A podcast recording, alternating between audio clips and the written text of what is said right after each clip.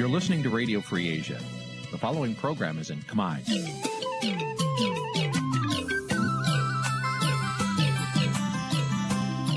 នេះជាកម្មវិធីផ្សាយ Vuthu Azizi Serai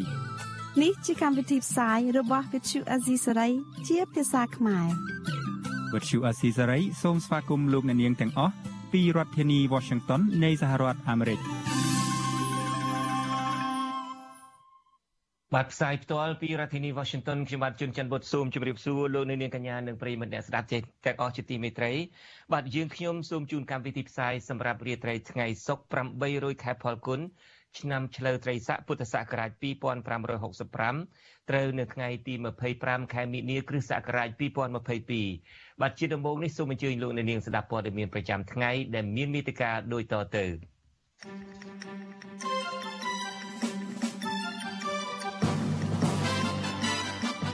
មន្ត្រីសិទ្ធិមនុស្សអាត6សោកស្ដាយដែលសាលាឧទ្ធរលើកពេលវេលាសវនាការរបស់ពួកគេសង្គមស៊ីវិលជាង70ស្ថាប័នអំពាវនាវឲ្យអាជ្ញាធរបញ្ឈប់ប្រើអំពើហិង្សាលើក្រុមកោតក្រ Nagavel លោកហ៊ុនសែនប្រកាសថាចូលឈ្មោះជាបេក្ខជននាយករដ្ឋមន្ត្រីសម្រាប់ឆ្នាំ2023ទៀត នីតិវេទិកាអ្នកស្ដាប់វិទ្យុអេស៊ីសរ៉ៃនារីត្រីនេះយើងនឹងជជែកអំពីគោលនយោបាយឃុំសង្កាត់របស់គណៈបកកម្ពុជានិយមរួមនឹងព័ត៌មានផ្សេងផ្សេងមួយចំនួនទៀត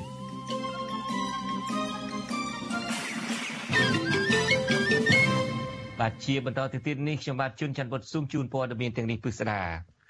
មន្ត្រីសិទ្ធិមនុស្សនៃសមាគមអាត6សោកស្ដាយដែលសាលាឧទ្ធរលើកពេលសវនាការខណៈពួកគេរងចាំសវនាការនេះអស់រយៈពេលជិត5ឆ្នាំមកហើយតុលាការសម្រេចលើកពេលសវនាការនេះដោយសារមេធាវីអគ្គលេខាធិការរងគូជបលោកនីចរិយានិងជាអតីតមន្ត្រីអាត6ផងនោះមានជំងឺ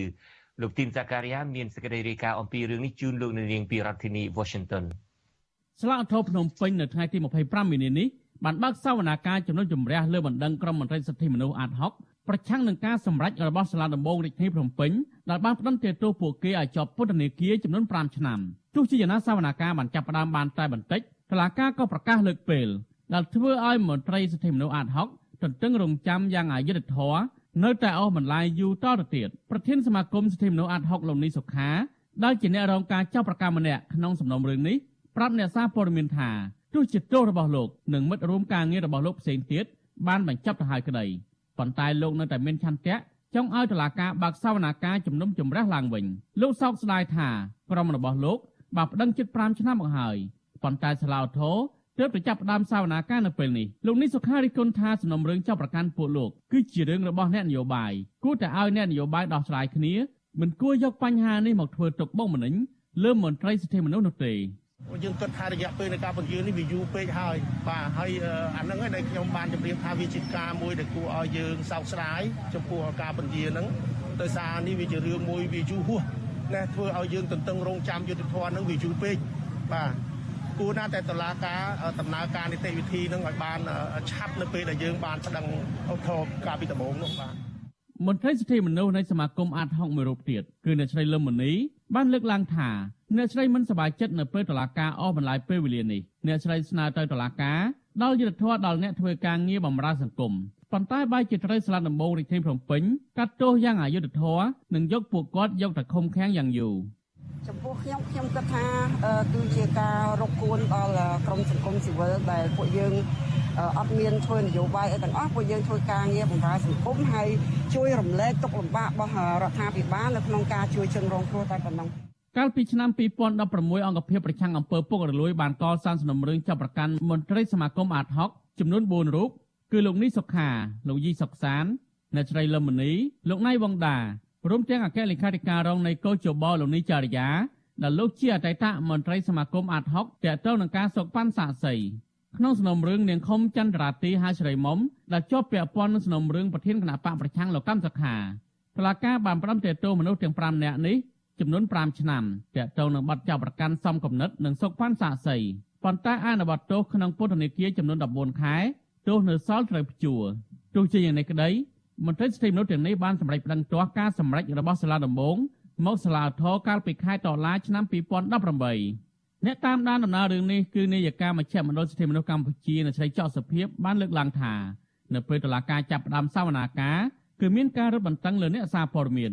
ប៉ុន្តែតុលាការបានអនុញ្ញាតឲ្យមន្ត្រីអង្គភាពប្រឆាំងអំពើពុករលួយដែលជាភាគីដើមចោតអាចចូលរួមក្នុងសវនាការនិងថតវីដេអូនៅក្នុងបន្ទប់សវនាការថែមទៀតផង យើងដឹងហើយករណីដែលចោទប្រកាន់លើពួកគាត់ទាំង5រូបនេះគឺមានការដាក់នៅសំណុំរឿងចេញប្រកោហ្នឹងគឺអង្គភាពប្រឆាំងពុករលួយហ្នឹងហើយចាគាត់ជាភាគីនៃតាមបណ្ដឹងគាត់ជាអ្នកពាក់ព័ន្ធនៅក្នុងបណ្ដឹងហ្នឹងហើយគាត់ជាអ្នកមានសិទ្ធិអំណាចក្នុងការថតរូបឬក៏ថតវីដេអូទៀតខ្ញុំមើលទៅវាហាក់ដូចជាមិនសមហេតុផលទាក់ទងនឹងបញ្ហានេះប្រធានសាលាធររាជធានីភ្នំពេញលោកយូប៊ុនលេងមិនធ្វើអត្ថាធិប្បាយជំវិញនឹងរឿងនេះទេ ដែលលោកប្រាប់ថាជាប់រវល់លោកនេះសុខាលើកឡើងថាសាកសីដាក់បន្ទុក2នាក់គឺនាងខុមចន្ទរាទីហើយស្រីមុំនិងអ្នកស្រីមេធាវីទ្រីជួនមិនដាល់បានចូលបំភ្លឺនៅតុលាការតាំងពីសំណុំរឿងនេះនៅសាលាដំបងរាជធានីភ្នំពេញមកម្លេះលោកស្នើទៅតុលាការឲ្យកោះហៅសាកសីទាំងពីរនាក់នេះមកបំភ្លឺនៅតុលាការផងនៅពេលចាប់ផ្ដើមសវនាការជាថ្មីបើគ្មានការប្រែប្រួលសាលាធរនឹងបើកសវនាការលើសំណុំរឿងនេះនៅចុងខែមេសាខាងមុខ ខ្ញុំទីនសាការីយ៉ាអសិសរី ប្រធានីវ៉ាស៊ីនតោន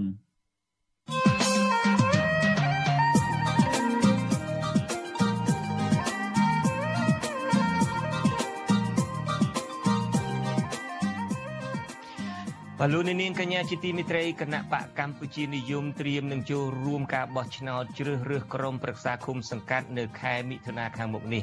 គណៈបកនេះបដោតលើការកែតម្រង់សេវាសាធារណៈនៅថ្នាក់មូលដ្ឋានជាអាទិភាពក្នុងចំណោមគោលនយោបាយដទៃទៀត។តើគណៈបកកម្ពុជានិយមនឹងកែតម្រង់ប្រព័ន្ធផ្តល់សេវាសាធារណៈនៅថ្នាក់មូលដ្ឋានជូនប្រជាពលរដ្ឋយ៉ាងដូចម្តេចខ្លះបាទលោកអ្នកនាងនឹងបានស្ដាប់ការបកស្រាយទៅនឹងសំណួរនេះដោយផ្ទាល់ ក្នុងនីតិវិទ្យាអ្នកស្ដាប់វិទ្យុអាស៊ីសេរីដែលនឹងចាប់ផ្ដើមនាពេលបន្តិចទៀតនេះវាគ្មិនដែលនឹងចូលរួមក្នុងកិច្ចពិភាក្សានេះគឺប្រធានគណៈបកកម្ពុជានិយមតែម្ដងគឺលោកយ៉ែមបញ្ញារិទ្ធលោកអ្នកនាងអាចសួរវាគ្មិនរបស់យើងឬបញ្ចេញមតិយោបល់សូមដាក់លេខទូរស័ព្ទរបស់លោកអ្នកនាងក្នុងខ្ទង់ comment Facebook ឬ YouTube វិទ្យុអាស៊ីសេរីនឹងហៅទៅលោកអ្នកនាងវិញដើម្បីមកចូលរួមបាទសូមអរគុណ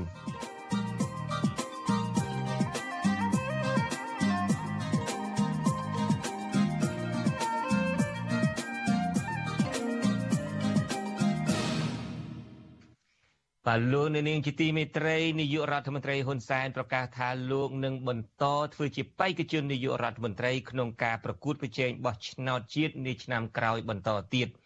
លោកថ្លែងបែបនេះក្នុងពិធីសម្ពោធផ្លូវជាតិលេខ51ក្នុងស្រុកឧដុង្គខេត្តកំពង់ស្ពឺនៅថ្ងៃទី25ខែមិនិនាលោកថាលោកនឹងបន្តឈរឈ្មោះជាបេក្ខជននាយករដ្ឋមន្ត្រីរបស់គណៈបកប្រជាជនកម្ពុជា សម្រាប់ការបោះឆ្នោតជ្រើសតាំងតំណាងរាស្ត្រអាណត្តិទី7នៅឆ្នាំ2023ខាងមុខនេះក៏ប៉ុន្តែលោកបញ្ជាក់ថាប្រសិនបើមានការផ្លាស់ប្ដូរគឺអាចធ្វើនៅពេលក្រោយបោះឆ្នោត ហើយខ្ញុំបានប្រកាសឲ្យខ្ញុំធ្វើតតែពេលដែលខ្ញុំឈប់ចង់ធ្វើអាហ្នឹងគឺមានតែចឹងមានតែចឹងព្រោះវាអត់ទៅក្បាលណាទេខ្មោចវាពិបាកពេកណាអារៀបចំចេះរៀបចំឲ្យត្រៀមគឺត្រៀមហើយគេត្រូវតែត្រៀមព្រោះធម្មតាគេត្រៀមមនុស្សសម្រាប់ការបន្តវេនផ្សេងៗហើយឆ្នាំ2023នេះខ្ញុំនឹងបន្តក្នុងឋានៈជាបេក្ខជននាយករដ្ឋមន្ត្រីនៃការបោះឆ្នោតជាបន្តទៀត បាទនៅក្នុងសន្និបាតគណៈបកគណៈកម្មាធិការកណ្ដាលនៃគណៈបកប្រជាជនកម្ពុជាកាលពីថ្ងៃទី24ខែធ្នូឆ្នាំ2021គណៈបកនេះបានជ្រើសតាំងលោកហ៊ុនសែនជាបេក្ខជននាយករដ្ឋមន្ត្រីសម្រាប់ការបោះឆ្នោតជាតិហើយក៏បានគ្រប់គ្រងលោកហ៊ុនម៉ាណែតជាបេក្ខជននាយករដ្ឋមន្ត្រីសម្រាប់ថ្ងៃអនាគតបន្ទាប់ពីលោកឪពុករបស់លោកផងដែរ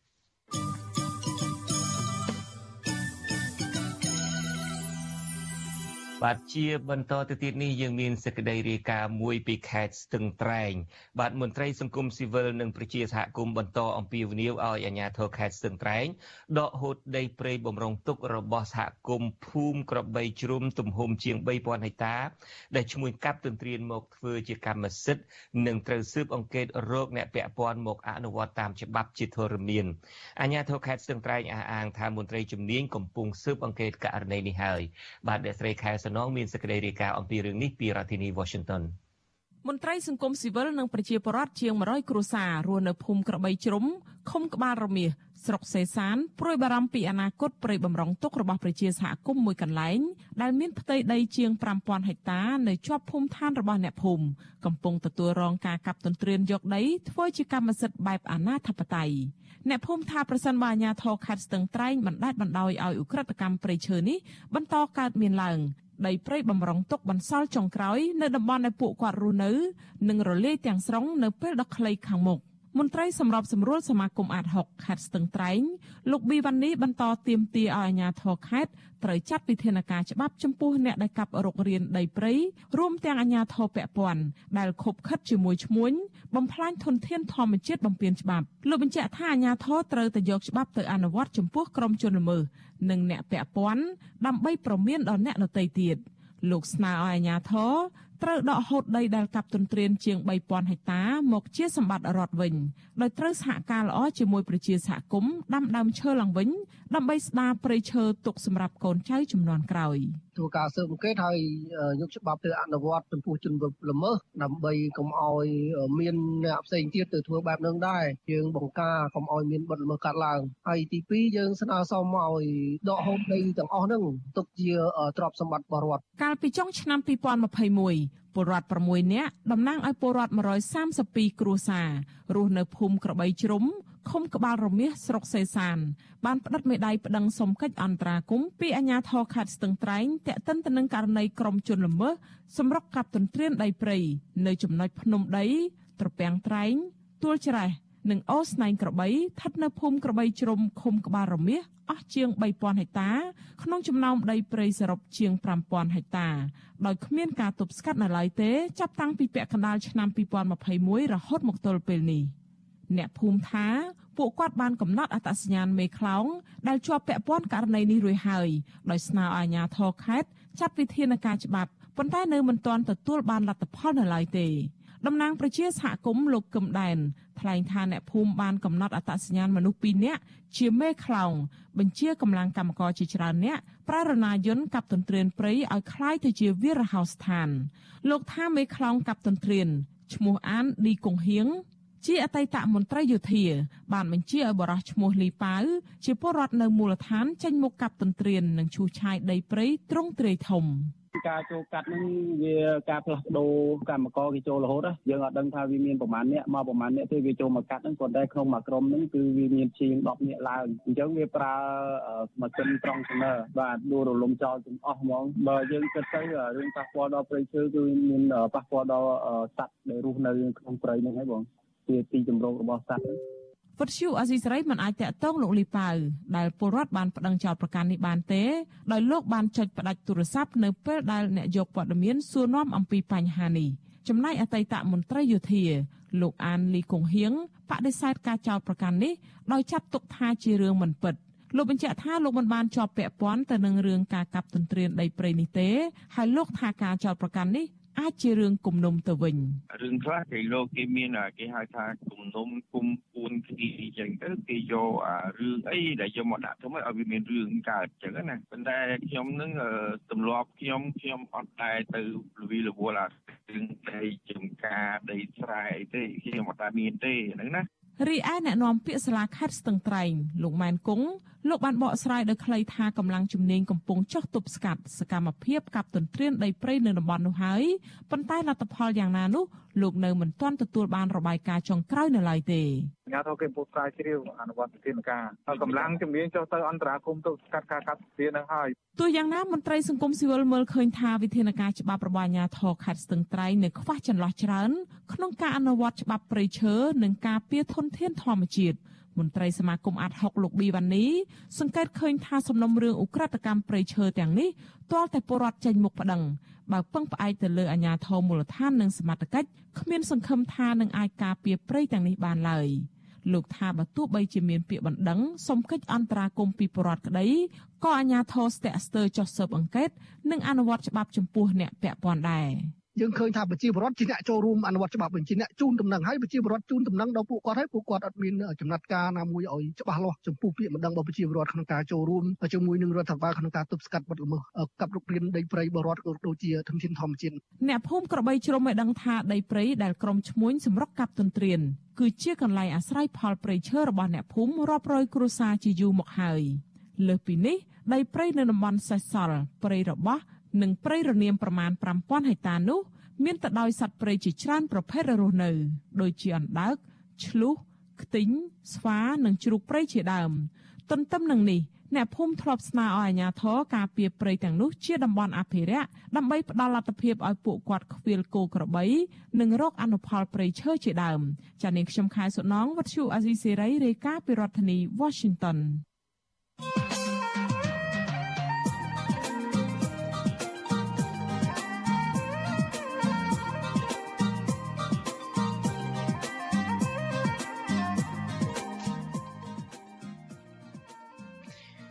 បាទលោកនាងកញ្ញាជាទីមេត្រីគណៈបកកម្ពុជានិយមត្រៀមនឹងចូលរួមការបោះឆ្នោតជ្រើសរើសសមាជិកក្រុមប្រឹក្សាគុំសង្កាត់នៅខែមិថុនាខាងមុខនេះហើយគណៈបកនេះផ្ដោតលើការកែតម្រង់សេវាសាធារណៈនៅថ្នាក់មូលដ្ឋានថាជាអត្ថប្រយោជន៍ចម្បងក្នុងចំណោមគោលនយោបាយដទៃទៀតបាទតើគណៈបកកម្ពុជានិយមនឹងកែតម្រង់ប្រព័ន្ធផ្ដល់សេវាសាធារណៈនៅថ្នាក់មូលដ្ឋានជូនប្រជាពលរដ្ឋបែបណាខ្លះបាទសូមអញ្ជើញលោកនាងរងចាំស្ដាប់កិច្ចពិភាក្សាអំពីរឿងនេះក្នុងនីតិវេទិកាអ្នកស្ដាប់វិទ្យុអេស៊ីសេរី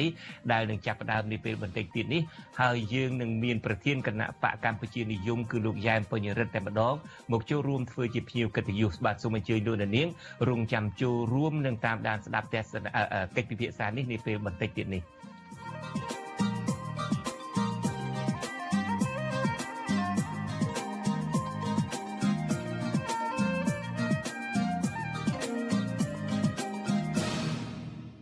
បាទលោកនាងកញ្ញាជាទីមេត្រីលោកនាយករដ្ឋមន្ត្រីហ៊ុនសែនប្រកាសថាលោកនឹងបន្តធ្វើជាបេក្ខជននាយករដ្ឋមន្ត្រីក្នុងការប្រកួតប្រជែងការបោះឆ្នោតជាតិនេះឆ្នាំក្រោយបន្តទៀត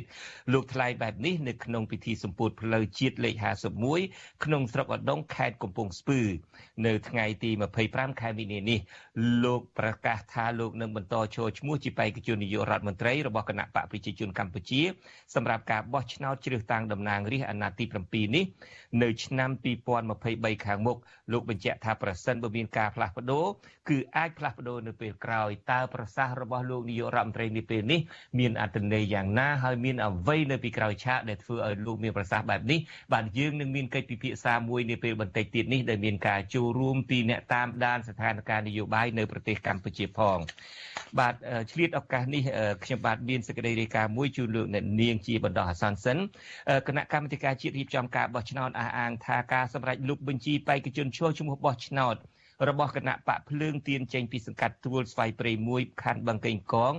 រាជធានីភ្នំពេញធ្វើឡើងត្រឹមត្រូវតាមនីតិវិធីបាទទោះជាយ៉ាងណាគណៈបកភ្លើងទៀននៅជាចាត់ទុកការសម្រេចចិត្តរបស់គោជបថាជារឿងនយោបាយបាទអ្នកស្រីម៉ៅសុធីនីមានសេចក្តីរាយការណ៍អំពីរឿងនេះជូនលោកអ្នកនាងពីរដ្ឋធានី Washington គណៈកម្មាធិការជាតិរៀបចំការបោះឆ្នោតកោជបបានរៀបចំសន្និសីទសារព័ត៌មានពាក់ព័ន្ធនឹងសេចក្តីសម្រេចលើសំណុំរឿងលេខ051ស្តីពីការលុបបញ្ជីបេក្ខជនចូលឈ្មោះបោះឆ្នោតនៃគណៈបកភ្លើងទៀននៅសង្កាត់ទួលស្វាយព្រៃទី1ខណ្ឌបឹងកេងកងរាជធានីភ្នំពេញ នៅទីស្តីការកោជបនៅព្រឹកថ្ងៃទី25ខែមីនា គោជបថាការសម្រេចរបស់ក្រមប្រឹក្សាជំនុំជម្រះនេះគឺធ្វើឡើងតាមនីតិវិធីច្បាប់ដោយមិនលំអៀងនោះឡើយ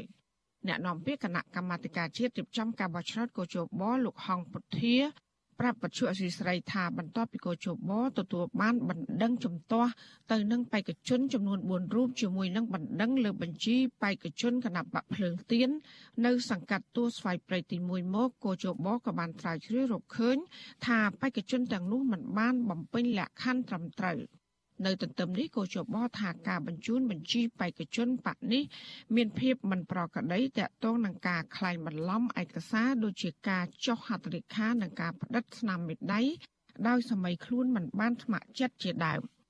លោកក៏បានបញ្ជាក់ថាសេចក្តីសម្រេចនេះគណៈបកភ្លឹងទៀនមិនមានឈ្មោះក្នុងបញ្ជីបោះឆ្នោតនៅសង្កាត់ទួលស្វ័យព្រៃទី1សម្រាប់ការប្រកួតប្រជែងការបោះឆ្នោតជ្រើសរើសក្រុមប្រឹក្សាឃុំសង្កាត់ខាងមុខនេះទេ បញ្ជីដែលដាក់ទៅនឹងឯងត្រូវបានទទួលបណ្ដឹងថាបញ្ជីនឹងមានភាពមិនប្រក្រតីបានន័យថាបញ្ជីនឹងមានការក្លែងបន្លំទាំងហត្ថលេខាទាំងស្នាមមេដៃជាដើមអញ្ចឹងបើសិនបើឃើញករណីនេះរកឃើញឲ្យមន្ត្រីស៊ើបអង្កេតរបស់កោជបហើយក្រុមប្រឹក្សាជំនុំជម្រះរបស់កោជបមានតែអនុវត្តទៅតាមនីតិវិធីគឺលុបចោលបញ្ជីដែលមិនត្រឹមត្រូវរបស់គណៈបកភ្លើងទៀននៅសង្កាត់ទួលស្វាយព្រៃមួយនោះចេញតែម្ដងបាទ កាលពីថ្ងៃទី22ខែមីនាគោជបបានសម្រេចបិទផ្លូវតវ៉ាដោយបានលុបបញ្ជីឈ្មោះបេក្ខជន របស់គណៈបកភ្លើងទៀនចេញពីបញ្ជីតាមបណ្ដឹង របស់លោកម៉ៅមនីបេក្ខជនក្រុមប្រឹក្សាសង្កាត់ទួលស្វាយព្រៃទី1ដែលមកពីគណៈបកប្រជាជនកម្ពុជាភ្លាមភ្លាមនោះគណៈបកភ្លើងទៀនក៏បានចេញសេចក្តីថ្លែងការណ៍បដិសេធចំពោះការសម្រេចរបស់កោជបហើយចាត់ទុកករណីនេះថាជារឿងនយោបាយ អនុប្រធានគណៈបកភ្លើងទៀនលោកថាច់សិដ្ឋាថ្លែងថាគណៈបកភ្លើងទៀននៅតែចាត់ទុកការសម្រេចរបស់គណៈកម្មាធិការជាតិរៀបចំការបោះឆ្នោត ដែលលុបបញ្ជីបេក្ខជនឈរឈ្មោះបោះឆ្នោតនៅសង្កាត់ទួលស្វាយព្រៃទី1នេះមិនឲ្យចូលរួមប្រកួតប្រជែងជាមួយនឹងគណៈបកកណ្ដាលអំណាចគឺជារឿងអយុត្តិធម៌និងមិនអាចទទួលយកបានឡើយបន្ថែមពីនេះលោកថាការអនុវត្តនេះមិនត្រឹមត្រូវនិងមិនមានចំហឯករាជ្យរបស់កោជប លោកថាប្រសិនបើកោជបរកឃើញថាបេក្ខជន4រូបនោះ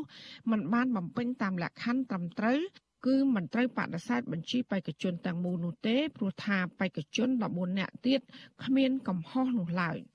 មកពីគណៈបកប្រជាជននឹងមកប្តឹងយើងយកមករំលាយបែបហ្នឹងហ្នឹងគឺវាបង្ហាញពីនយោបាយហ្នឹងវាច្បាស់លាស់ណាបើរឿងកំហុសរបស់អ្នក4នាក់អីហ្នឹងខ្ញុំមិនថាអីទេវាជាកំហុសក៏ប៉ុន្តែអ្វីដែលយើងយកវាបណ្ដឹងតាមបណ្ដឹងរបស់បេក្ខជនគូប្រកួតហ្នឹងយកមកវិនិច្ឆ័យអាហ្នឹងដែលជាចំណុចមួយច្បាស់កលែតពីចរិតនយោបាយហ្នឹង ស្របពេលដែលកោជបសម្រាប់លុបឈ្មោះបេក្ខជននិងបញ្ជីបេក្ខជនសកម្មជននិងបេក្ខជនគណៈបកភ្លឹងទៀនមួយចំនួនទៀតនៅភ្នំពេញសៀមរាបនិងនៅខេត្តត្បូងឃ្មុំជាដើមពួកគេកំពុងទទួលរងការគំរាមកំហែងបំផិតបំភ័យពីសំណាក់អាជ្ញាធរមូលដ្ឋាននិងជនមិនស្គាល់មុខ។ សមាជិកក្រុមការងារគណៈបកភ្លើងទៀននៅខេត្តត្បូងឃ្មុំលោកស៊ូយានឲ្យដឹងថាសកម្មជននិងអ្នកគាំទ្រនៅឃុំនិងសង្កាត់មួយចំនួន តែងតែស្នើសុំឈប់ពីភ្នាក់ងារអង្កេតការបោះឆ្នោតឲ្យគណៈបកជាបន្តបន្ទាប់ក្រោយដែលអាជ្ញាធរមូលដ្ឋាន ដូចជាមេភូមិនិងប៉ូលីសបានបំផិតបំភ័យពួកគាត់តាក់ទងនឹងការដកបានក្រីក្រមិនផ្ដល់បានកម្មសិទ្ធិដីធ្លី និងមិនធ្វើលិខិតស្នាមផ្សេងផ្សេងៗ លោកចាត់ទុកទង្វើនោះថាជាការរំលោភបំពានច្បាប់ ហើយប៉ះពាល់ដល់ដំណើរការប្រកួតប្រជែងការបោះឆ្នោតដោយសេរីនិងយុត្តិធម៌ពីគ្រប់និន្នាការនយោបាយទាំងអស់ជាពិសេសគឺអាញាធរកំពុងអនុវត្តផ្ទុយពីការណែនាំរបស់រដ្ឋាភិបាល អំពាវនាវឲ្យមន្ត្រីដែលស៊ីប្រាក់ខែរដ្ឋនឹងកុំបំរើនិន្នាការគណៈបកនយោបាយសូមឲ្យប្រកាន់តាមបាប់មន្ត្រីរាជការស៊ីវិលតាំងខ្លួនជាជនអព្យាក្រឹតបំរើការងាររដ្ឋឲ្យបានត្រឹមត្រូវនិងដែលធ្វើឲ្យយើងសប្បាយចិត្តហើយទទួលយកបានបើសិនជាធ្វើដោយសពថ្ងៃវាអត់មានន័យស្លឹមសារសម្រាប់ជាមន្ត្រីរាជការស៊ីវិលទេដែលធ្វើឲ្យមានអារម្មណ៍ភ័យខ្លាចមកដល់សកម្មជនផ្សេងផ្សេងដែលគាត់មាននិន្នាការចង់កែលម្អសង្គមនឹង ជុំវិញរឿងនេះមន្ត្រីជាន់ខ្ពស់ផ្នែកអង្កេតនឹងតស៊ូមតិនៅអង្គការ Conference លោកកនសវាង មានប្រសាសន៍ថាទោះបីជាបេក្ខជន4រូបនៃគណៈបកភ្លើងទៀនមានកំហុសក៏ដោយក៏ប៉ុន្តែច្បាប់មិនបានណែនាំឲ្យលុបបញ្ជីបេក្ខជនទាំងស្រុងនោះឡើយហើយលោកថាបញ្ហានេះគឺប៉ះពាល់ធ្ងន់ធ្ងរដល់សិទ្ធិនយោបាយរបស់ប្រជាពលរដ្ឋដែលធានាដោយរដ្ឋធម្មនុញ្ញ លោកកនសវាងយកឃើញថាហេតុផលរបស់កោជបហាក់ធ្វើឡើងមិនពេញលេញដោយសារតែគណៈបញ្ញោបាយទាំងនោះកំពុងប្រកួតប្រជែងគ្នា។ យោងទៅលើអ្នកមិនដឹងដែលបានប្តឹងនោះគឺថាវាមិនមែនជាហេតុផលមួយសម្រាប់នៅក្នុងការដោះស្រាយនៅបញ្ហាទេព្រោះនៅក្នុងនេះអត់មានចង្អុលបង្ហាញថាលុបបេក្ខជនមួយមានបញ្ហាពីរមានបញ្ហាបីមានបញ្ហាទលំជីទាំងអស់អត់ទេហើយខ្ញុំយល់ឃើញថាបើសិនជាដំណោះស្រាយនៅការកើតឡើងបែបនេះវាជាចំណុចមួយដែលប៉ះពាល់ធំមែនទែនបាទគឺប៉ះពាល់ទៅលើសិទ្ធិនយោបាយរបស់ប្រជាពលរដ្ឋ រហូតមកដល់ពេលនេះក្រុមប្រឹក្សាជំនុំជម្រះនៃកោជបបានចេញសេចក្តីសម្រេចស្ថាពរបិទផ្លូវតវ៉ាលុបឈ្មោះបេក្ខជនក្រុមប្រឹក្សាគុំសង្កាត់របស់គណៈបកភ្លឹងទៀនចំនួន50នាក់ចេញពីបញ្ជីបេក្ខជនដំបូងរបស់គណៈបកគោចបអះអាងថាបេក្ខជនទាំងនោះភាគច្រើនជាបេក្ខជនឲ្យគេបំពេញប្រវត្តិរូបជំនួសដោយខ្លួនឯងមិនចេះអាននិងសរសេរអក្សរខ្មែរហើយមានបេក្ខជនមិនបានចុះឈ្មោះក្នុងបញ្ជីបោះឆ្នោតឃុំសង្កាត់ ដែលខ្លួនមានបំណងចូលឈ្មោះបោះឆ្នោតជាដើមការបោះឆ្នោតជ្រើសរើសក្រុមប្រឹក្សាឃុំសង្កាត់អាណត្តិទី5នេះនឹងប្រព្រឹត្តទៅនៅថ្ងៃទី5ខែមិថុនាខាងមុខគិតត្រឹមថ្ងៃទី4ខែមីនាមានគណៈបញ្ញយោបាយចំនួន16បានចុះបញ្ជីបេក្ខជនក្នុងចំណោម40គណៈបកដែលបានចុះបញ្ជីនៅក្រសួងមហាផ្ទៃហើយមានប្រជាប្រដ្ឋជាង9លាន2សែននាក់បានចុះឈ្មោះក្នុងបញ្ជីបោះឆ្នោត ខណៈដែលអាសនៈសមាជិកក្រុមប្រឹក្សាគុំសង្កាត់រួមមានចំនួនជាង10000អាសនៈចាននឹងខ្ញុំម៉ៃសុធានីវັດជូអាស៊ីស្រីប្រធានាធិបតី Washington បាទលោកអ្នកនាងកញ្ញាជាទីមេត្រីថ្ងៃនេះលោកនាយករដ្ឋមន្ត្រីហ៊ុនសែនឆ្លៀតឱកាសក្នុងពិធីសម្ពោធផ្លូវជាតិលេខ51នៅស្រុកអដុងខេត្តកំពង់ស្ពឺ លោកប្រកាសថាលោកនឹងឈរឈ្មោះជាបេក្ខជននាយករដ្ឋមន្ត្រី នៅក្នុងអាណត្តិទី7នេះទៀតនៅក្នុងការបោះឆ្នោតនៅឆ្នាំ2023បាទនេះគឺជាអ្វីដែលលោកនាយករដ្ឋមន្ត្រីមានប្រសាសន៍នៅថ្ងៃនេះហើយខ្ញុំបានប្រកាសឲ្យខ្ញុំធ្វើតតែពេលដែលខ្ញុំឈប់ចង់ធ្វើអាហ្នឹងគឺមានតែចឹងមានតែចឹងព្រោះវាអត់ទៅក្បាលណាទេខ្មោចវាពិបាកពេក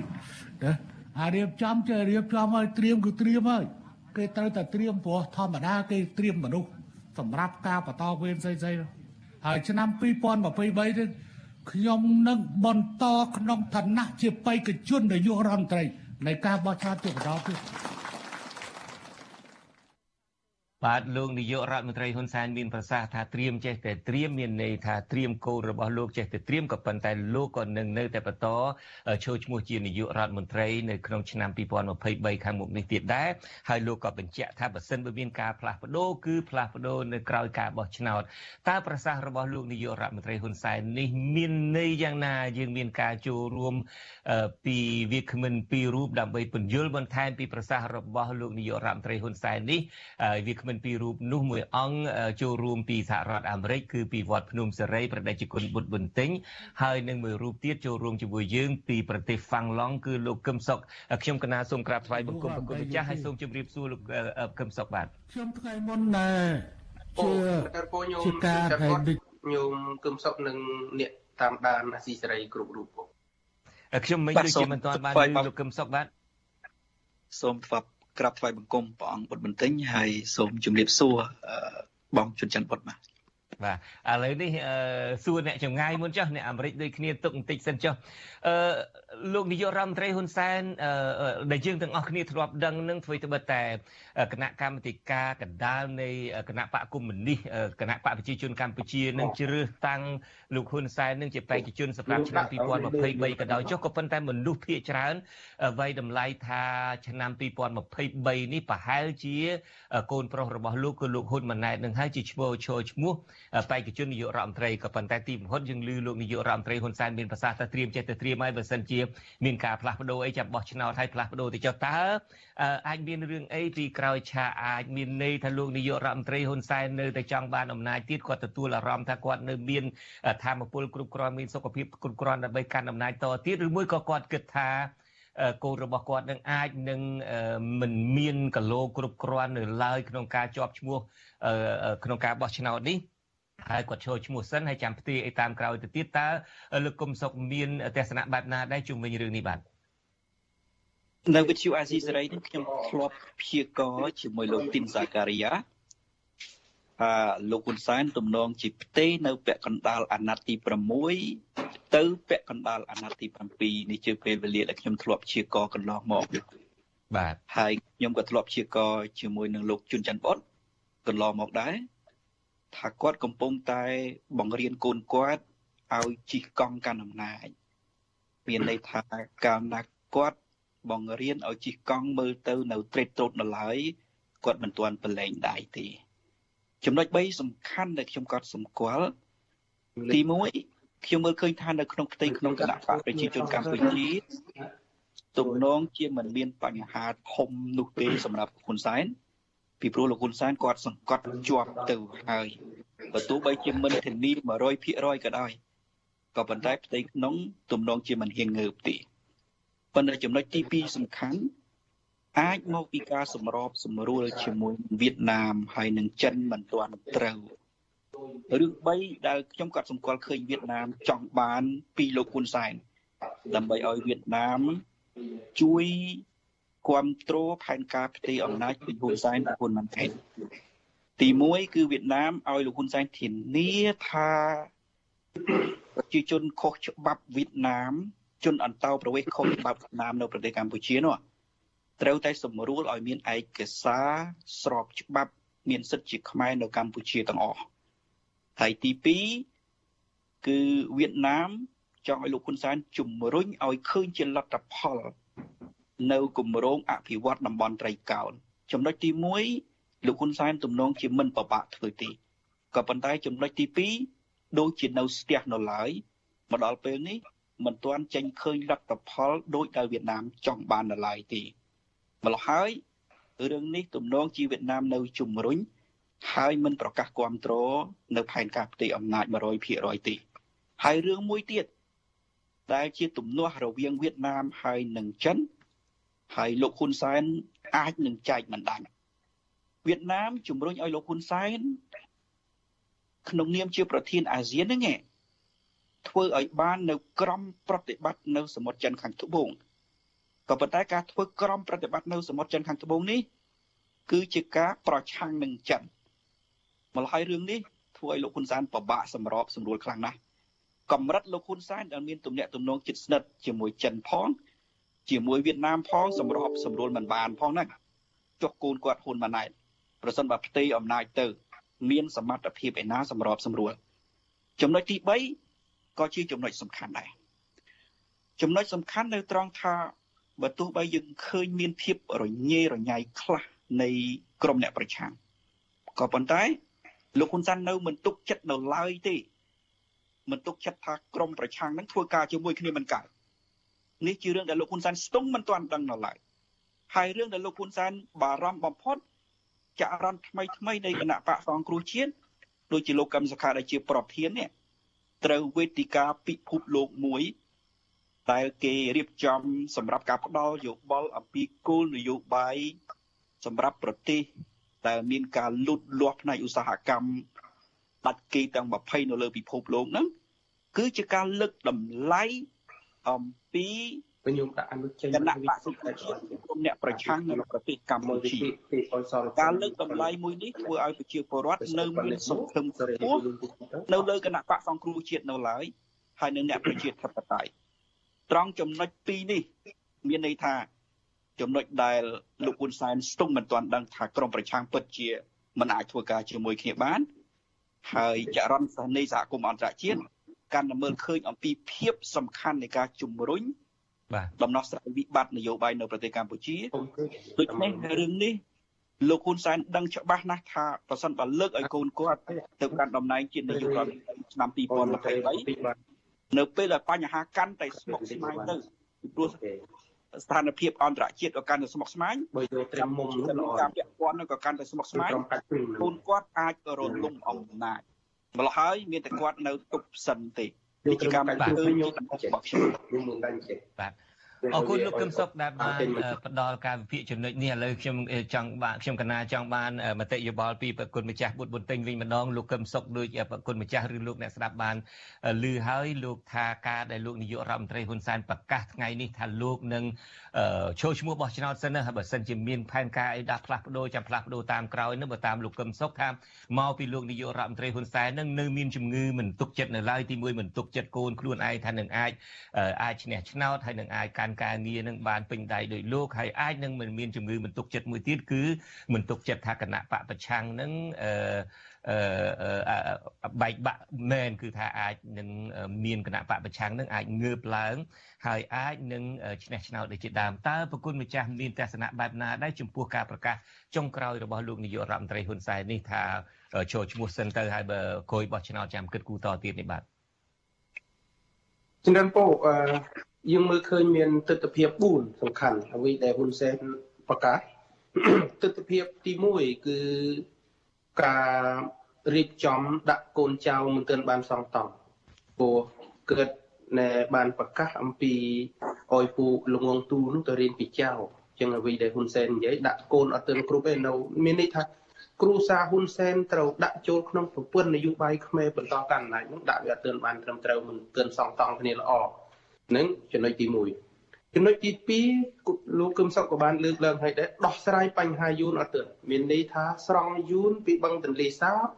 រោដីឲ្យយូននៅចង្ការកៅស៊ូដែលយូនកាន់កាប់មិនទាន់ផ្ទេសិទ្ធបដូរពីដីសម្បត្តិសេដ្ឋកិច្ចទៅជាដីកម្មសិទ្ធិរបស់យូនទាំងស្រុងនៅពេលដែលយូននៅក្នុងបឹងទន្លេសាប ច្រើនអិតកណនី គឺត្រូវចេញឡើងគូចេញឡើងគូបើកាត់ដីរឹតដូចជានៅគន្រូកំពង់ឆ្នាំងអត់គ្រប់ទេដូច្នេះគេត្រូវរុញយូននៅក្នុងបឹងទន្លេសាបចូលទៅគ្រប់គ្រងដីជាងការកស៊ូជាង3លានហិកតាហ្នឹងនឹងคล้ายទៅជាដីកម្មសិទ្ធិដែរនៅពេលនោះយូនមានសិទ្ធិស្របច្បាប់ចេញពីលើគូឲ្យចេញពីក្នុងទឹកបំផ្លាញត្រីអស់ហើយបន្ទោបងលមុខដាក់បឹងទលីសាបអស់ហើយគេឡើងលើគោកម្ដងទៅបំផ្លាញនៅធនធានដែលជាធនធានរបស់ជាតិគឺធនធានដី ធនធានដីដែលគេចែកនៅក្នុងក្របខណ្ឌអនុប្រយោគរបស់គេឬក៏មិនបានធ្វើអនុប្រយោគផងមិនទាន់បានកាត់ដីរឹតនឹងឲ្យទៅជាដីឯកជនរបស់រដ្ឋផងហើយគេយកយូនដែលបានក្តារស្នាមចេញពីក្នុងទឹកហើយទៅកាន់កាប់ដីចង្ការកស៊ូហ្នឹងហើយប្រពន្ធរបស់យូនដែលបានសិទ្ធិស្របច្បាប់កម្មកាប់ដីជាការកស៊ូលែងទៅជាដីសម្បត្តិសេដ្ឋកិច្ចទៅជាដីកម្មសិទ្ធិរបស់យូន គេនឹងជំរុញយូនឲ្យចូលក្នុងប្រព័ន្ធនយោបាយទន្ទឹមនឹងកូនចៅរបស់ហ៊ុនសែនដើមទីនេះអានឹងជាទស្សនវិជ្ជាទី2ដែលហ៊ុនសែនត្រូវធ្វើទស្សនវិជ្ជាទី3គឺហ៊ុនសែនជាទូទៅមុននឹងធ្វើការប្រគួតប្រជែងច្រើនតែបង្ហាញអំពីអាយុនៃការធ្វើនាយករដ្ឋមន្ត្រីមានន័យថាចំនួនថេរវេលានៃការធ្វើនាយករដ្ឋមន្ត្រីគ្រប់ពេលបោះឆ្នោតហ៊ុនសែនលើកបញ្ហា3សំខាន់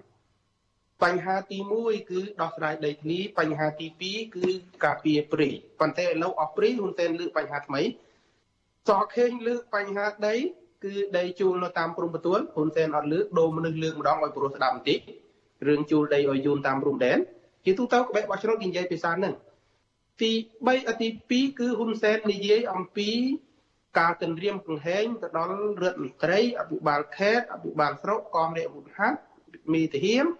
ដែលដោះស្រាយបញ្ហារំលោភដីព្រៃបឹងទន្លេសាបព្រោះព្រៃទូទៅក៏អស់មុនអាណត្តិមុនមុនគឺនិយាយពីរឿងបើ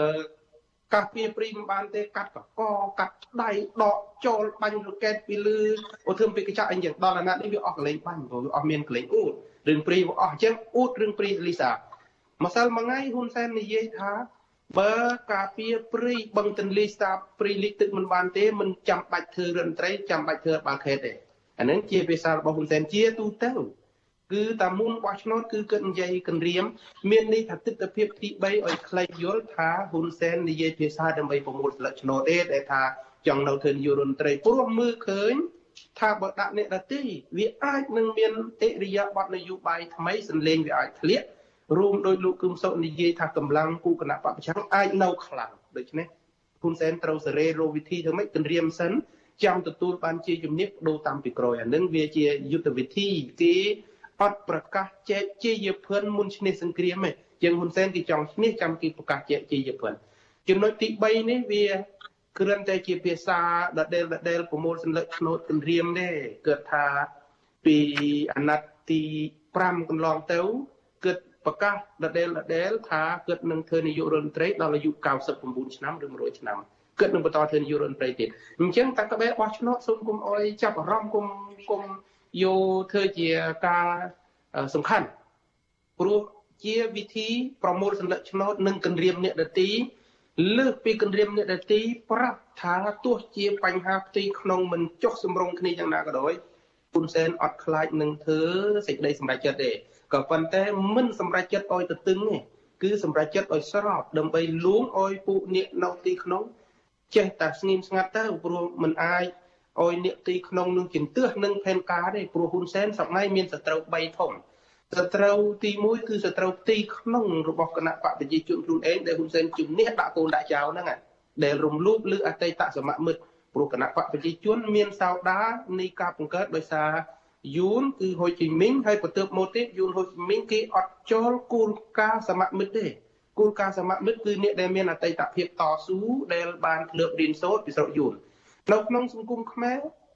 យើងឃើញលំអានចាស់របស់វាមុននឹងคลายទៅជាមេបញ្ជាការរៀននៅស្រុកយូនសិនមុននឹងคลายទៅជាអ្នកដឹកនាំប្រទេសត្រូវទៅរៀននៅស្រុកយូនសិនអាទាំងអស់ហ្នឹងហើយដែលយើង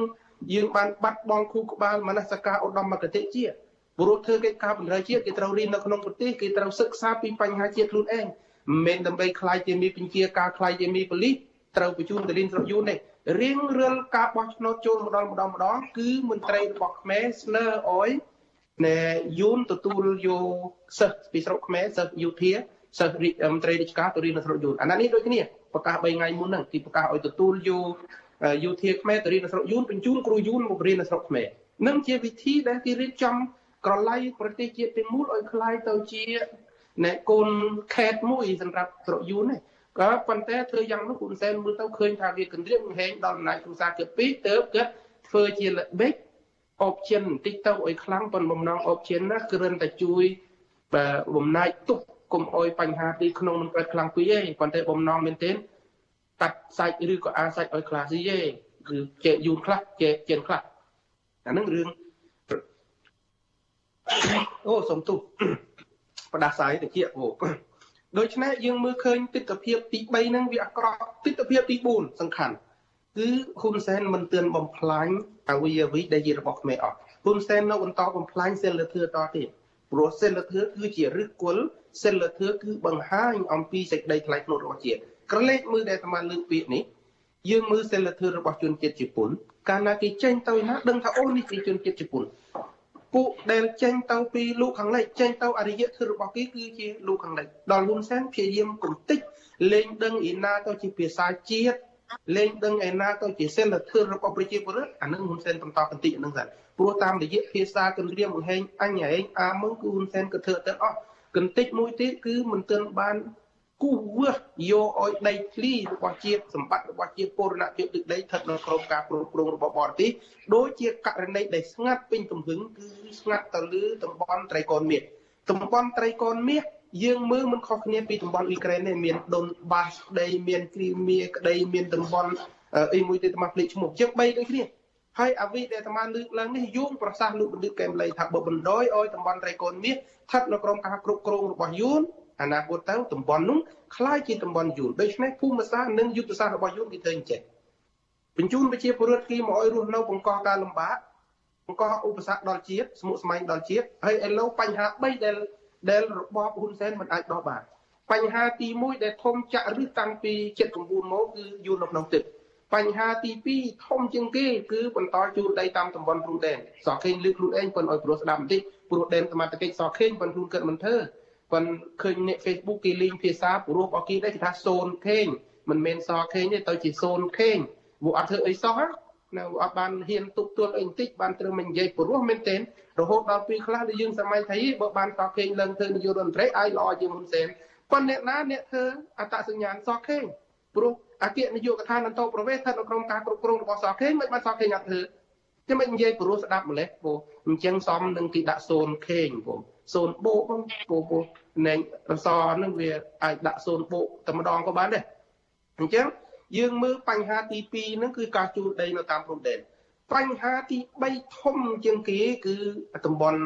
ត្រីកូនមាសរួមជាមួយនឹងដីសម្បត្តិសេដ្ឋកិច្ចនេះទាំង3នេះដែលហ៊ុនសែនអត់អាចមានលទ្ធភាពដោះទេដោះដោយវិធីណាបើចង់យកគីចេញពីទឹកយូងតាមច្បាប់របស់ខ្មែរគេរស់នៅយូរហើយត្រូវទទួលខុសត្រូវឲ្យគេ ទី2គឺសម្ពាធរបស់យូនដែលជាចវាយនាយស្រេចត្រូវតែធានាឲ្យគេគ្រប់ពេលទាំងអស់ដែលមានដឹកនាំរបស់យូនចូលមកដល់ទឹកដីខ្មែរគឺត្រូវតែបដិញ្ញាចំពោះមេដឹកនាំយូនថាការពារជនជាតិយូននៅស្រុកខ្មែរអាទាំងអស់ហ្នឹងឧបសគ្គជាតិចំណុចទី4នេះយើងហានិភ័យរបស់ជាតិថាហ៊ុនសែនមិនទាន់អាចចុះទៅណាបានទេព្រោះបំផ្លាញខ្មែរមិនទាន់អស់បំផ្លាញសិលធម៌បំផ្លាញពរណភាពទឹកដីបំផ្លាញសេចក្តីថ្លៃថ្នូររបស់ជាតិអីហ្នឹងគឺបំផ្លាញអស់ពេលដែលហ៊ុនសែនបំផ្លាញអស់ ហ៊ុនសែនទៅតែខ្លួនទេហ៊ុនសែនមកដល់ដំណាក់កាលនេះលែងគិតថាស្អីដែលជាកត្តាចាំបាច់នឹងសេចក្តីត្រូវការរបស់ជាតិអាវិដែលហ៊ុនសែនប្រឹងគិតឥឡូវនេះគឺគិតធ្វើម៉េចរក្សាអំណាចដល់លង្ហឹមចុងក្រោយហើយនឹងផ្ទេរទៅដល់កូនចៅដើម្បីការពារមរតកហ៊ុនសែនភ្លេចក្រឡេកមើលថាទ្រព្យសម្បត្តិដែលមានអាចនឹងត្រូវបានគេបង្កក់ពីសូមកុំភ្លេចទៅស៊ូគ្រូដើមដែលកំពុងតែចាក់សោខ្លួនឯងហ្នឹងនៅទីក្រុងមូស្គូណាទៅស៊ូគ្រូដើមនោះប្រហ៊ុនសែនរៀនពីនោះដែរ ហ៊ុនសែនរៀនពីគ្រូដើមមករហូតដែរអានឹងក៏ប្រផ្នែកមួយដែលធ្វើឲ្យហ៊ុនសែនហ៊ានកេងអាងប៉ុន្តែមួយរយៈពេលដែលឃើញសម្ពាធពិភពលោកគេដាក់សង្កត់ធ្ងន់មកលើក្បាលពូទីនហ៊ុនសែនហាក់បីដូចជាស្ងាត់បន្តិចអត់ហ៊ានក្អេងក្អាងហើយមួយទៀតពេលដែលនាយករដ្ឋមន្ត្រីជប៉ុនចូលមកសើប្រាប់ស្ងៀមស្ងៀមស្ងាត់ស្ងាត់ហ្នឹងថាកុំអោយនៅក្អេងក្អាងជាមួយពូទីនទេគេអត់មានផ្ដល់ឱកាសទេ រឿងល្អមួយទៀតហ៊ុនសែនអាចនឹងដូរអេរិយាប័តបើសិនជាការសម្រេចចិត្តក្នុងសប្តាហ៍បន្ទាប់ទៅមុខនេះដោះស្រាយបញ្ហាពូទីនបានហ៊ុនសែនអាចខ្លោះខ្លាចបន្តិចអាចនឹងរកអេរិយាប័តហើយអ្វីដែលជាគំនិតរបស់អាត្មាសូមអោយញាតិញោមដែលត្រៀមចូលរួមប្រកួតយកមូលដ្ឋានប្រឹងធ្វើឲ្យត្រឹមត្រូវប្រឹងសម្អាតខ្លួនយើងយើងដើរលើផ្លូវមួយដែលត្រឹមត្រូវដើម្បីរុញហ៊ុនសែនឲ្យចូលទៀតបើសិនជាហ៊ុនសែនដើរដល់ដំណាក់កាលនៃការដើរកំតិច ដោយភាសារបស់លោកសេងសេរីថាបើសិនជាហ៊ុនសែនហ៊ានគំតិចភ្លើងទីនចូលមួយទៀតមានន័យថាប្រពន្ធនយោបាយដោះស្រាយតាមគោលការណ៍ប្រជាធិបតេយ្យតាមរយៈនៃការបោះឆ្នោតលេងមានប្រសិទ្ធភាពលេងអាចប្រកាសបាននេះដែរត្រូវរមមធ្យោបាយផ្សេងអញ្ចឹងយើងរុញហ៊ុនសែនឲ្យដល់ដំណាក់កាលមួយហ្នឹងដើម្បីនឹងយើងទាញទៅរកចំណុចមួយផ្សេងទៀតពូអញ្ចឹងអរគុណអាត្មាគឺថាចូលរួមប៉ុណ្ណេះអាត្មាមាន appointment ពូពេទ្យ សូមក្រាបថ្វាយអំណរគុណប្រគុណម្ចាស់ដែលបានចូលរួមធ្វើត្បិតតែប្រគុណម្ចាស់មានធុរៈហើយមានកម្មវិធីមមាញឹកយ៉ាងណាក្តីហើយខ្ញុំគណៈសូមក្រាបថ្វាយបង្គំលាប្រគុណម្ចាស់តែប៉ុណ្ណេះហើយក៏សូមអរគុណលោកកឹមសុខផងដែរដែលបានចូលរួមជាមួយយើងយើងនឹងទៅជែកគ្នាបញ្ហានេះនៅពេលក្រោយទៀតបាទសូមជម្រាបលាតែត្រឹមនេះបាទអូអរគុណ បាទលោកអ្នកនាងកញ្ញាជាទីមេត្រីក្រសួងសុខាភិបាលរកឃើញករណីឆ្លងជំងឺ Covid-19 ចំនួន59អ្នកបន្ថែមទៀតដែលសុទ្ធសឹងទៅជាប្រភេទមេរោគអូមីក្រុងក្នុងនោះភាគច្រើនជាករណីឆ្លងក្នុងសហគមន៍ក៏ប៉ុន្តែទោះជាយ៉ាងណាក្រសួងប្រកាសថាមិនមានករណីស្លាប់ទេនៅថ្ងៃដដែលនេះ គិតត្រឹមថ្ងៃទី25ខែមិនិនានេះគឺព្រឹកថ្ងៃទី25ខែមិនិនានេះកម្ពុជាមានអ្នកកើតជំងឺ Covid-19 ជាង130,000នាក់ក្នុងនោះមានអ្នកជាសះស្បើយប្រមាណ130,000នាក់និងអ្នកស្លាប់ចំនួន3059នាក់ ក្រសួងសុខាភិបាលប្រកាសថាគិតត្រឹមថ្ងៃទី24មិនិនាម្សិលមិញរដ្ឋាភិបាលចាក់វ៉ាក់សាំងគ្រប់ដូសជូនពលរដ្ឋបានជាង13លាន9សែននាក់ក្នុងចំណោមពលរដ្ឋដែលត្រូវចាក់ប្រមាណ14លាននាក់រាប់ពីកុមារអាយុ5ឆ្នាំរហូតដល់មនុស្សពេញវ័យ រីឯដូសជំរុញទី3និងទី4វិញរដ្ឋាភិបាលចាក់ជូនពលរដ្ឋបានជិត9លានដូសស្របពេលកុមារអាយុ3ឆ្នាំដល់ក្រោម5ឆ្នាំរដ្ឋាភិបាលចាក់ដូសទី1និងដូសទី2និងដូសទី3និងដូសទី2បានជាង3សែនដូសបាទយើងងាកមករឿងកម្មករធ្វើកុតកម្មនៅប្រឆាំងនឹង Nagavel វិញម្ដង សមត្ថកិច្ចថ្ងៃនេះប្រើអំពើហិង្សាលើកោតកោក្រុម Nagavel វិញអង្គការសង្គមស៊ីវិលបាទសំទោសតាក់ទងនឹងរឿងសមត្ថកិច្ចប្រើអំពើហិង្សាលើកោតកោក្រុម Nagavel វិញអង្គការសង្គមស៊ីវិលចំនួន73ស្ថាប័នបានចេញសេចក្តីថ្លែងការណ៍រួមមួយ ស្នើដល់អាជ្ញាធរក្រុងភ្នំពេញឲ្យបញ្ឈប់ការប្រើអំពើហិង្សាទៅលើកោតក្រ Nagavel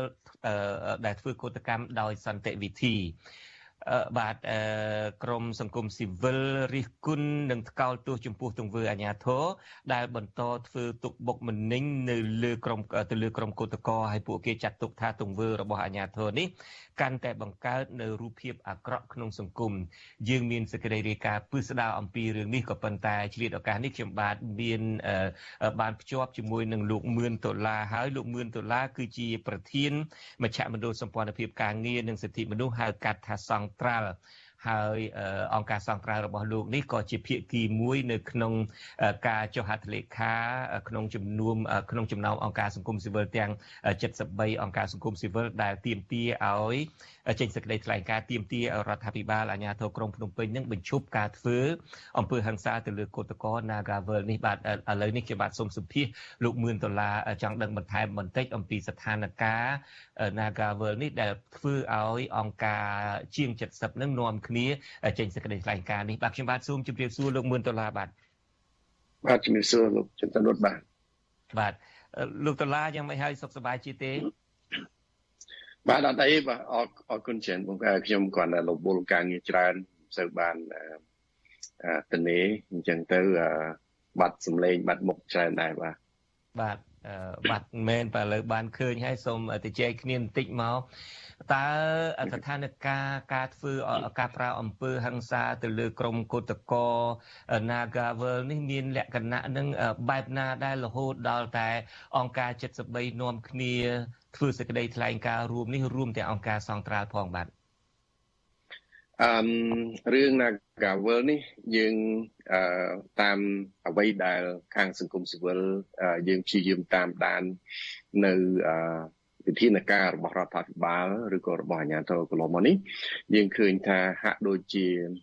អឺកាន់តែបង្ហាញនៅភាពអាម៉ាស់មួយឬក៏រឿងដែលកាន់តែអាក្រក់ទៅអាក្រក់ទៅ ចំពោះការឆ្លើយតបរបស់អាជ្ញាធរទៅលើវិវាទការងារនៅក្រុមហ៊ុន Nagavel នេះទី1ដូចខ្ញុំតែងតែបញ្ជាក់អញ្ចឹងថាអឺ រឿងករណីវិវាទការងារនៅ Nagavel នេះវាជាវិវាទការងាររវាងភាគីនយោជកជាមួយនឹងភាគីខាងបុគ្គលិកនយោជិតដែលមានតំណាងនឹងហើយដូចផ្ដើមនៃការប្រើប្រាស់សិទ្ធិការចរចាជាសមូហភាពបង្កើតឲ្យទៅជាអនុញ្ញាតរួមអីលក្ខណៈហ្នឹងហើយសិទ្ធិក្នុងការចរចាជាសមូហភាពនេះគឺជា យន្តការមួយដែលទាំងរដ្ឋាភិបាលក៏ដូចជាអង្គជាតិស្ថាប័នអង្គការអន្តរជាតិខាងផ្នែកការងារហ្នឹងតែងតែជំរុញឲ្យមានគេហៅថា social dialogue កិច្ចការសន្ទនាសង្គមហ្នឹងរវាងនយោជកនិងកម្មករនិយោជិតហ្នឹងប៉ុន្តែនៅពេលដែលអឺកោតកោចាប់ផ្ដើមធ្វើការទៀមទាយើងឃើញថាអាជ្ញាធរលោកប្រើទី1គឺប្រើពន្ធតឡាការដើម្បីអឺរឹតត្បិតឬក៏ ទប់ស្កាត់ក្នុងការចេញធ្វើកតកម្មរបស់បុគ្គលិក Nagavel នេះហើយនៅពេលដែលប្រើប្រព័ន្ធតឡាការមិនអាចទប់ស្កាត់នៅការតវ៉ារបស់កម្មករបានក៏មានការចាប់ឃុំខ្លួនតំណាងរបស់ពួកគាត់រហូតដល់ជាង10នាក់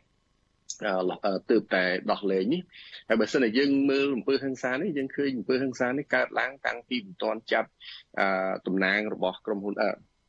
បុគ្គលិក Nagavel នេះដាក់ពន្ធនាគារទៀតហើយក៏នៅពេលដែលចាប់ហ្នឹងក៏យើងឃើញអាជ្ញាធរហ្នឹងលោកអាចจะប្រើពេកជាពិសេសគឺតំណាងសហជីពទាំងអស់ហ្នឹងគាត់ភាគច្រើនជាស្ត្រីហើយអាជ្ញាធរក៏លោកប្រើកម្លាំងបរោះ កម្លាំងកម្លាំងកម្លាំងប៉ូលីសជាបរោះទៅចាប់ប្រធានសហជីពឬក៏តំណាងសហជីពដាក់ពន្ធនាគារនឹងជាបរោះទៅទៀតហើយបន្តមកទៀតយើងយើងឃើញអំពើហិង្សានេះនៅបន្តកើតឡើងអឺយើងឃើញចេតនានៃការស្វែងរកដំណោះស្រាយរបស់អាជ្ញាធរហាក់ដូចជាមានការយឺតយ៉ាវហើយហាក់ដូចជាព្យាយាមពន្យាពេល អឺនៅពេលដែលប្រើតឡាការมันមានប្រសិទ្ធភាពចាប់គេដាក់គុកមិនទាន់មានប្រសិទ្ធភាពយើងឃើញអាជ្ញាធរព្យាយាមប្រើច្បាប់ប្រឆាំង COVID-19 ហើយឥឡូវនេះនៅពេលដែលប្រទេសកម្ពុជាលោកសម្រេចបើកប្រទេសទាំងអស់មិនឲ្យមានការធ្វើតេស្តទាំង rapid test ឬក៏ PCR ចំពោះអ្នកដំណើរមកពីប្រទេសផ្សេងៗយើងឃើញនៅពេលដែល កម្មករសំទុះបុគ្គលិក Nagavel គាត់ចេញតវ៉ាដោយសារអត់មានដំណោះស្រាយយើងមិនដឹងថាអាជ្ញាធរលោកសំអាងលើអីទេចាប់ចាប់កោតកោទាំងអស់ហ្នឹងយកទៅដាក់ក្នុងឡានហើយដឹកពីដំបងឡើយគឺដឹកទៅមណ្ឌលចតារិស័កហើយក្រោយមកទៀតទៅដឹកទៅកន្លែង start ថ្មីអឺ start សម្ដេចតេជោអីចឹងទៅអាហ្នឹងគឺយើងឃើញមិនដឹងថាគាត់ប្រើយន្តការអីវិធានការអីឲ្យបានច្បាស់លាស់ព្រោះអឺ ភាពពិតជាក់ស្ដែងបុគ្គលិក Nagavel នេះលោកធ្វើកោតកម្មមិនមែនធ្វើបាតកម្មទេប៉ុន្តែរឿងដែលរឿងដែលអធិបជាយមបិទមិនឲ្យកោតកោទាំងអស់ហ្នឹងចូលទៅធ្វើកោតកម្មនៅគៀកនឹងអាគារ Nagavel ហ្នឹងហើយគាត់ព្យាយាមបកស្រាយថាជាបាតកម្មនេះគឺសម្រាប់ខ្ញុំខ្ញុំថាខ្ញុំមានអារម្មណ៍ថាការឆ្លើយតបរបស់អាជ្ញាធរហ្នឹងគឺ ហាក់ដូចជាអត់មានអីរឿងមានអីឲ្យច្បាស់លាស់ហើយអឺការដែលប្រើកម្លាំងហួសហេតុទៅលើកោតកោដែលជាស្ត្រីនេះវាជាទង្វើមួយផ្ទុយនឹងច្បាប់ដែលមានជាធរមានហើយជាក់ស្ដែងខ្ញុំធ្លាប់ឮប្រមុខរដ្ឋាភិបាលក៏ដូចជាសម្ដេចកលាហមក៏លោកតែងតែអំពាវនាវដែរកុំឲ្យអាជ្ញាធរនឹងប្រើហិង្សាទៅលើប្រជាពលរដ្ឋហើយរឿងដែលមិនធានានៅ អឺយុទ្ធធម៌សង្គមនេះដែលធ្វើឲ្យសង្គមមួយបែកបាក់អញ្ចឹងទៅខ្ញុំខ្ញុំឃើញមើលរឿង Nagawal ហ្នឹងវាជារឿងវិវាទការងារហើយងាយស្រួលដោះស្រាយហើយប៉ុន្តែមិនយល់ថាហេតុអីបានអាជ្ញាធរលោកព្យាយាមដាក់ថ្នាំមិនត្រូវជំងឺតែគាត់ថាដាក់ថ្នាំមិនត្រូវជំងឺលោកលោកវិតុលាការដាក់ថ្នាំមិនត្រូវជំងឺហ្នឹងមកពីអឺមិនចង់ដឹងពីជំងឺហ្នឹងឬមួយក៏យ៉ាងម៉េចទៅវិញបំពេញទៅវិញ ឈឺអីឈឺទៅចេះតែដាក់ថ្នាំផ្សេងទៅវិញឬមួយក៏ប្រកាសជាអត់ដឹងជំងឺហ្នឹងមែនអឺវាហាក់ដូចជារឿងមួយដែលយើងមានចង្អល់អញ្ចឹងដែរសូម្បីតែខ្លួនខ្ញុំផ្ទាល់ហ្នឹងខ្ញុំថាអឺមើលខ្ញុំជឿថាអាញាធរលោកប្រកាសថាតានាការវលនឹងចង់បានអីនៅបុគ្គលិកនាការវលមកពាល់អ្នកជាងហ្នឹងគឺ មនុស្សជាងពាន់ចិត្តគេបានស្ម័គ្រចិត្តយកលុយយកកាក់ឈប់ធ្វើការអីទៀតហើយប៉ុន្តែនៅតែមានតែ100អ្នកជាងទេដែលដែលព្យាយាមចូលទៅការវិញហ្នឹងហើយអ្នកដែល100អ្នកជាងហ្នឹងគឺសិតសឹងតែជាសកម្មជនដែលជាមនុស្សសំខាន់នៅក្នុងសហជីពអញ្ចឹងវាធ្វើឲ្យមានការសង្ស័យមួយថា អឺការពន្យាពេលរបស់អាជ្ញាធរឬក៏មួយក៏ការដាក់ថ្នាំបន្ត្រូវជំងឺរបស់អាជ្ញាធរហ្នឹងហាក់ដូចជា បង្កប់នៅចេតនាមួយមិនចង់ឲ្យមានសហជីពដែលបំរើប្រយោជន៍របស់កម្មករយុចិត្តហ្នឹងនៅក្នុងស្ថាប័នហ្នឹងនៅក្នុងក្រុមហ៊ុនហ្នឹងប៉ុន្តែផ្ទុយទៅវិញថែមពីលើនឹងទៀតគឺថ្មីថ្មីនេះយើងឃើញមានសហជីពមួយទៀតកើតឡើងកំឡុងពេលដែលបុគ្គលិក Nagavel កំពុងតែតវ៉ា ពេញទឹកពេញដីអ្នកខ្លះជាប់ពន្ធនាគារអីឡាក់ឡាក់ហ្នឹងក៏មានឃើញលេចឃើញសហជីពមួយកើតឡើងហើយចុះបញ្ជីដោយស្របច្បាប់តែម្ដងអានេះជាចំណុចមួយដែលឲ្យមតិមហាជននឹងមានការងឿងឆ្ងល់ចំណុចទី3អឺពាក្យជាចាំរានតែងតែលើកឡើងថាអឺតើក្រុមហ៊ុន Nagavel នេះមានអ្នកណាដែលមានអំណាចអឺអោមិនអាចឲ្យមានដំណោះស្រាយ ហើយយើងឃើញកន្លងមករហូតដល់អបនាយករដ្ឋមន្ត្រីលោកបាននិយាយជាសាធារណៈមានប្រសាសន៍ជាសាធារណៈតែមានដំណោះស្រាយនៅតែមិនអាចមានដំណោះស្រាយបានតើមានអ្នកណាឬក៏គ្រួសារណាដែលនៅពីក្រោយក្រុមហ៊ុននេះមានអំណាចធំជាងឧបនាយករដ្ឋមន្ត្រីតទៅទៀតអានេះគឺជាចម្ងល់ដែលសាធារណជនលោកតែលើកជាសំណួរជាជារហូតមកបាទបាទ បាទឆ្លើយនឹងចម្ងល់នេះតាមពិតនឹងយើងក៏ឃើញធ្លាប់មានឃើញសារបែកធ្លាយដែរដែលបញ្ជាក់ថាគឺកូនកូនរបស់លោកនាយករដ្ឋមន្ត្រីហ៊ុនសែនតែម្ដងនឹងមានទំនាក់ទំនងយ៉ាងជិតដិតជាមួយនឹងប្រធានក្រុមហ៊ុន Nagavel នឹងរហូតដល់តែមានរឿងអីទីងទួចនឹងក៏មានសារឆ្លើយឆ្លងគ្នាមានការផ្ញើលុយចុះផ្ញើលុយអីឡើងផងនេះទៅតាមសារបែកធ្លាយក៏ប៉ុន្តែទោះជាយ៉ាងណាក៏ដោយបន្ទាប់ពីមានសារបែកធ្លាយប្រហែលឆ្នាំមុននឹងមកនឹងយើងក៏បានតាក់ទងពីខាងក្រុមកូនកូនលោកនាយករដ្ឋមន្ត្រីហ៊ុនសែនដែលប្រកាសណាស់គេមិនបានឆ្លើយតបអីជាមួយនឹងអាស៊ីសេរីទេបាទខ្ញុំបាទសូមអរគុណលោកមឿនដុល្លារណាស់ដោយហេតុពេលវេលាខ្លីខ្ញុំបាទមាននីតិវេទិកាអ្នកស្ដាប់វិទ្យុអាស៊ីសេរីនៅក្រៅនេះរីករាយដែលបានឃើញលោកមឿនដុល្លារជាថ្មីម្ដងទៀតហើយសង្ឃឹមថាជួបគ្នានាពេលក្រោយហើយសង្ឃឹមថាសក្តីថ្លែងការណ៍រួមរបស់អង្គការមិនមែនរដ្ឋាភិបាលទាំងជាង70នេះប្រកាសជានឹងអាចជួយស្ដារស្ថានភាពនៃវិវាទរវាងកម្មករឬនិយោជកនិងនិយោជកនៅ Nagavel នេះបាទខ្ញុំបាទសូមជម្រាបលាទៅត្រឹមនេះបាទសូមអរគុណជំរាបលាបាទលោកនាងកញ្ញាជាទីមេត្រីទើបតែបានស្ដាប់ព័ត៌មានប្រចាំថ្ងៃដែលជម្រាបជូនលោកខ្ញុំបាទជួនច័ន្ទបុតពីរដ្ឋធានី Washington ជាបន្តទៅទៀតនេះគឺជានីតិវេទិកាអ្នកស្ដាប់វិទ្យុអាស៊ីសេរី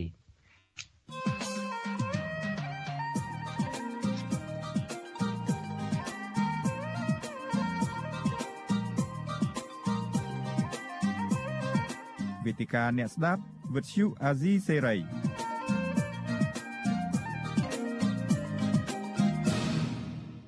បាទលោកនាងកញ្ញាជាទីមេត្រីនៅពេលប្រមាណខែខាងមុខនេះទៀតទេគឺនៅខែមិថុនាគឺខែ6នេះអឺកម្ពុជានឹងរៀបចំការបោះឆ្នោតសមាជិកក្រុមប្រឹក្សាឃុំសង្កាត់ជាថ្មីម្ដងទៀតហើយហើយមកទល់នឹងពេលនេះគឺមានគណៈបកជាង10គឺមានគណៈបក17បានចុះឈ្មោះចូលរួមការបោះឆ្នោតហើយវិទ្យុអាស៊ីសេរីនឹងផ្ដល់ឱកាស ជូនមេគណៈបកទាំងអស់នឹងដើម្បីមកចូលរួមពិភាក្សាក្នុងកម្មវិធីផ្សាយរបស់យើង ដើម្បីឲ្យរៀបរាប់អំពីគោលនយោបាយរបស់គណៈបកនានានោះហើយក្នុងឱកាសនេះយើងមានកិត្តិយសដែលមានការចូលរួមពីប្រធានគណៈបក ថ្មីមួយក៏ប៉ុន្តែអ្វីបើតែគណៈបកថ្មីមែនក៏ប៉ុន្តែប្រធានគណៈបកនឹងគឺជាអិសរាជជននយោបាយមួយរូបដែលលោកនាងប្រកាសជាធ្លាប់ស្គាល់ហើយគឺលោកយ៉ែមពេញរិទ្ធដែលជាអតីតតំណាងរាស្ត្រជាប់ឆ្នោតនៃគណៈបកសង្គ្រោះជាតិខ្ញុំបាទសូមជម្រាបសួរអាដាមយ៉ែមពេញរិទ្ធបាទបាទជំរាបសួរលោកចិនបត បាទអាដាមយ៉ែមពុញរិទ្ធពេលនេះនៅប្រកាសជានៅប្រទេសកម្ពុជាហើយពីព្រោះខ្ញុំបាទឃើញតាម Facebook នេះនឹងឃើញលោកមានសកម្មភាពច្រើនណាស់នៅប្រទេសកម្ពុជាជាការពិតខ្ញុំនៅប្រទេសកម្ពុជាហើយកំពុងតែរៀបចំជាផែនការយុទ្ធសាស្ត្រសកម្មភាពដើម្បីធ្វើដំណើរការគណៈបកកម្ពុជា